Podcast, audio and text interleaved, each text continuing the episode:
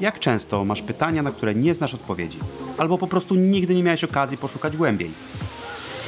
W kościele Społeczność Chrześcijańska Wilanów wierzymy, że Bóg nie boi się Twoich pytań. Co więcej, to często On sprawia, że pojawiają się w Twojej głowie. Dlatego też chcemy stworzyć przestrzeń, w której będziemy rozmawiać, inspirować się i tworzyć relacje, odkrywając przy tym niesamowitego Boga. Ten podcast ma na celu podzielenie się naszą perspektywą i pomoc w znalezieniu odpowiedzi na nurtujące pytania. To jest seria Czuj się jak u siebie, a dziś odwiedzamy biuro i szukamy odpowiedzi na pytanie, jak dobrze zarządzać swoim domem. Witaj w podcaście Nurtujące Pytania, podcaście społeczności chrześcijańskiej Wilanów, kościoła, w którym inspirujemy do rozmowy z Bogiem i innymi. Co tydzień nagrywamy jeden odcinek, byś mógł go przesłuchać przed naszym niedzielnym spotkaniem, na którym potem słuchamy, czytamy i jeszcze więcej rozmawiamy na dany temat. A dzisiaj kontynuujemy cykl Czuj się jak u siebie, w czasie którego wędrujemy korytarzami domu, odwiedzamy jego pomieszczenia i patrzymy na różne sfery naszego życia. I w taki sposób oto byliśmy już w dużym pokoju, w kuchni, garażu, bo każde z tych pomieszczeń symbolizuje różne aspekty naszego życia. Podobnie jak w domu, również w życiu każdego człowieka są pewne obszary, które budując możemy zaprojektować w swój indywidualny, własny sposób. Pod nasze potrzeby, pod to, co lubimy, jacy jesteśmy. No właśnie, kiedy wejdziesz do kuchni swojej babci na przykład, to będzie ona zupełnie inna niż kuchnia w Twoim domu. I nie tylko dlatego, że większość naczyń i przyrządów kuchennych pochodzi u ciebie pewnie z Ikei, a babcia ma te stare, takie fajne, oldschoolowe narzędzia, ale jako rodzina inaczej wykorzystujemy kuchnię. Mamy inne zwyczaje, inne tradycje, inny tryb życia. Każdy z nas buduje swój dom w zupełnie inny sposób, w unikalny sposób. Ale jedno jest takie same. Każdy z nas buduje. W tym podcaście też jako wierzący zadajemy sobie pytanie związane z tym tematem. Czy budujemy sami, czy raczej pozwalamy Bogu budować wspólnie z nami? No bo to On jest częścią centralną naszego życia chrześcijańskiego. Albo inne pytanie, czy traktujemy Boga jako domownika, który czuje się jak u siebie, czy raczej jest tylko naszym gościem? A w tym tygodniu idziemy do biura. No właśnie, biuro. Pomieszczenie, które może nie każdy z nas jest w stanie sobie wydzielić ze swojego mieszkania w Wilanowie. Wiecie, takie odrębne pomieszczenie służące tylko i wyłącznie do pracy.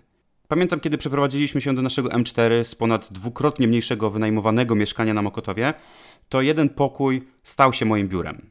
Mieliśmy sypialnię, mieliśmy salon, ale jeden pokój był tym, w którym spędzałem czas pracując. Stał tam stół, krzesło biurowe i w zasadzie tyle. Miałem tam swój kącik do pracy, trzymałem tam swój sprzęt wideo, którego na co dzień używałem. Stała tu też mała komórka, do której wrzucaliśmy wszystkie rachunki, dokumenty, sprawy do rozliczenia, wszystkie bieżące rzeczy. No ale przyszedł taki moment, że musiałem odstąpić swój pokój nowemu współlokatorowi. Stanęło tam łóżeczko dziecięce, mała szafa na małe ubranka, jeszcze mniejsza komódka. Natan, mój syn, przejął pokój. A ja swoje biurko musiałem spakować do piwnicy i przenieść się ze swoją pracą do dużego pokoju. To, co było kiedyś wygodne, teraz musiałem upakować e, w dużym pokoju. Bo codziennie po skończonej pracy swoje graty z powrotem sprzątam, porządkuję, żeby zrobić miejsce na ten wieczorny, wspólny, rodzinny czas w salonie. Ale tak naprawdę to przestało mieć trochę znaczenie, gdzie pracujemy. W erze home office'ów i coraz bardziej popularnej pracy zdalnej możemy pracować skądkolwiek, będąc gdziekolwiek. I mówiąc dziś o biurze, będziemy właśnie patrzeć na tę konkretną dziedzinę naszego życia pracę. To nie musi być konkretny pokój, ale to jest ta sfera naszego życia, która wypełnia tak wiele czasu. I wyzwanie, o jakim będziemy rozmawiali, dotyczy tak zwanego i popularnego w ostatnim czasie work-life balance. Czyli jak zbalansować nasze życie zawodowe z życiem prywatnym. Dla mnie jest to szczególne wyzwanie, biorąc pod uwagę, że większość czasu pracuję w domu. Mniej więcej 3 albo 4 dni roboczych właśnie tutaj jestem. I nie muszę Was przekonywać, że kiedy wybija godzina 17 i trzeba odebrać dzieci z przedszkola, jest niesamowicie trudno wyłączyć pracę, przestawić się na ten tryb rodzina. I wiem, że nie zawsze się da, szczególnie kiedy ma, masz taki zawód jak freelancer albo prowadzisz swój biznes. Niemniej jednak to będzie właśnie dzisiejszy temat, o którym też Nate w dalszej części nieco opowie. A drugie wyzwanie dotyczy tego, w jaki sposób zarządzamy domem. W jaki sposób ogarnąć swoje podwórko, jaka jest wizja i plan dla rodziny. I na to pytanie będziemy patrzeć z perspektywy Biblii, bo jako wierzący właśnie do tego źródła sięgamy, żeby poznać jeszcze lepiej to, w jaki sposób możemy być bardziej podobni do tego wzoru, który był w Jezusie. I fragment, któremu będziemy się przyglądać, jest zapisany w Nowym Testamencie. A jeden z bohaterów, na których patrzymy dzisiaj, to Tymoteusz. Tymoteusz wychował się w rodzinie wierzących ludzi. Mama i tata oboje wierzyli w Boga, a swojego syna uczyli wartości, które kierowały go na Boga. Tymoteusz miał też to szczęście, by uczyć się od najlepszych liderów. Mógł uczyć się od samego apostoła Pawła, który traktował go trochę jak swojego syna. Sam w niedługim czasie stał się pastorem jednego z kościołów. I kiedy Tymoteusz miał wybrać radę kościoła, takich innych liderów, którzy mieli wspólnie z nim przewodzić wspólnocie, Paweł pisze mu list z kilkoma wskazówkami. I przeczytam ten fragment teraz, a później Nate podzieli się swoimi inspiracjami. Starszy zatem ma być nienaganny. Powinien być mężem jednej żony, człowiekiem trzeźwo myślącym, umiarkowanym, przyzwoitym, gościnnym, zdolnym do nauczania, wolnym od nałogów, niewybuchowym, lecz łagodnym, niekłótliwym, nienastawionym na pieniądz, dobrze kierującym własnym domem, dzieci trzymającym w posłuszeństwie z wszelką godnością. Bo skoro ktoś nie potrafi kierować własnym domem, jak może troszczyć się o Kościół Boży? A w rozdziale 5 Paweł także pisze w wersecie 8. A kto nie troszczy się o swoich, zwłaszcza o domowników, ten wyparł się wiary i jest gorszy od niewierzącego. Te dwa tematy łączą się. Mówią o potrzebie dla mężczyzny i kobiety, by troszczyli się i traktowali swoje rodziny niemal jak biznes. Kiedy myślisz o swoim biznesie, masz pomysł i wizję na niego, tworzysz ścieżkę rozwoju zawodowego, dbasz o rozwój. Osobisty, jak również swojej firmy. Dbasz o budżet, by się spiął, troszczysz się o ludzi, z którymi pracujesz, chcesz, by byli najlepsi i dawali z siebie to, co najlepsze. I kiedy myślę o swojej rodzinie, to zadaję sobie pytanie: czy mam plan dla swojej rodziny? Czy mam wizję dla swojej rodziny? Czy nasz budżet jest odpowiedni? Czy mądrze wydajemy pieniądze w sposób wielbiący Boga? Czy jestem hojny? Czy wspieram Kościół? Albo innych? To są pytania odnośnie finansów, ale prawdziwe pytanie dotyczy serca. Jezus powiedział, że gdzie Twój skarb jest, tam też będzie Twoje serce. I kiedy myślę w kontekście swojego biura, Myślę o tym, by płacić rachunki, by na nic nie zabrakło. Myślę o edukacji moich dzieci, o przyszłości.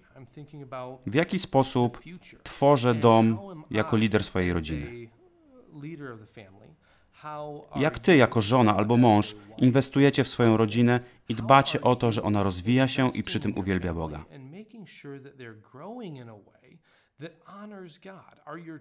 Czy wasze dzieci dorastają w wierze i uwielbieniu dla Boga? Myślę, że jest to jedna z ważniejszych rzeczy. Bóg powiedział, abyśmy nie kochali pieniędzy. Czasami jesteśmy tak skupieni na zarabianiu jeszcze większej ilości pieniędzy, że tracimy serce i wizję dla naszej rodziny i dla relacji z Bogiem. Jest taka historia, którą Jezus opowiedział. Przeczytam ją i zakończę wyzwaniem. Wtedy ktoś z tłumu zwrócił się do niego. Nauczycielu, powiedz mojemu bratu, aby podzielił się ze mną dziedzictwem. Lecz on mu odpowiedział: Człowieku, kto mnie ustanowił sędzią lub rozjęcą między wami? Ostrzegł ich też. Uważajcie i strzeżcie się wszelkiej chciwości, gdyż obfitość dóbr nie zapewnia życia. W życiu nie chodzi też o to, aby opływać w dostatki. Następnie przytoczył im taką przypowieść. Pewnemu bogatemu człowiekowi dobrze obrodziło pole. Zaczął się więc zastanawiać, co tu zrobić? Nie mam gdzie złożyć plonów. W końcu postanowił tak. Zburzę stodoły, zbuduję sobie większe i tam zgromadzę całe moje zboże oraz moje dobra. Potem powiem swojej duszy. Duszo, masz wiele dóbr złożonych na wiele lat. Odpocznij, najedz się, napij i baw się dobrze. Bóg jednak powiedział do niego. O bezmyślny człowieku, tej nocy zażądają twojej duszy. I czyje będzie to, co przygotowałeś? Tak stanie się z każdym, kto gromadzi skarby dla siebie, a nie jest bogaty w Bogu. To bardzo mocna historia, którą Jezus opowiada. W zeszłym tygodniu mówiliśmy o tym, jak możemy oddawać Bogu chwałę. We wszystkim, co robimy. Czy pijemy, jemy, we wszystkim, co robimy, powinniśmy oddawać Bogu chwałę. I teraz mamy tu człowieka, który zainwestował w swój biznes. Miał plan finansowy, miał to wszystko poukładane. Myślał o rodziny, o emeryturze. Miał niezłe plony. Wszystko rosło, deszcz padał, urodzaj jak nigdy. Zastanawiał się, co zrobi z całym tym jedzeniem, z wszystkim, co zebrał. Pomyślał sobie, zbuduję większą stodołę, większy magazyn i kiedy to w końcu zrobię, będę mógł odetchnąć. To ciekawa przypowieść, ponieważ wielu ludzi w taki sposób myśli. Zainwestuję w coś dziś, w biznes, w pole, tak jak w przypadku tego człowieka. Zainwestuję, poświęcę lata pracy, założę nowe konta bankowe, rozwinę biznes, aż w końcu będę mógł się odsunąć i w końcu trochę pożyć. Odpocznę, popodróżuję, zainwestuję w dzieci i rodzinę. Uważam, że te wszystkie rzeczy są dobre. Wierzę, że Bóg uważa, że te rzeczy są dobre. Nie ma nic w nich złego. Jest to jednak dość interesujące. Powodem, dla którego ten człowiek miał urodzajne plony, jest to, że Bóg pozwolił, by były obfite. To On dał deszcz.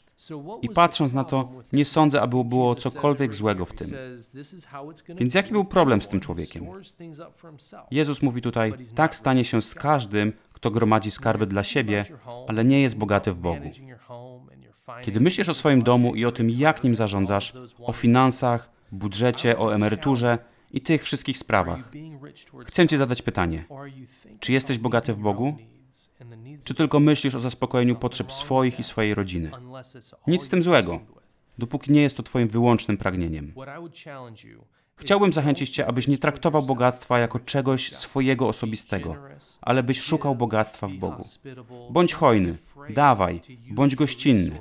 Nie bój się używać swoich zasobów, by wpływać na królestwo, by inwestować w rzeczy dla Boga, bo nikt z nas nie wie, ile czasu mu pozostało.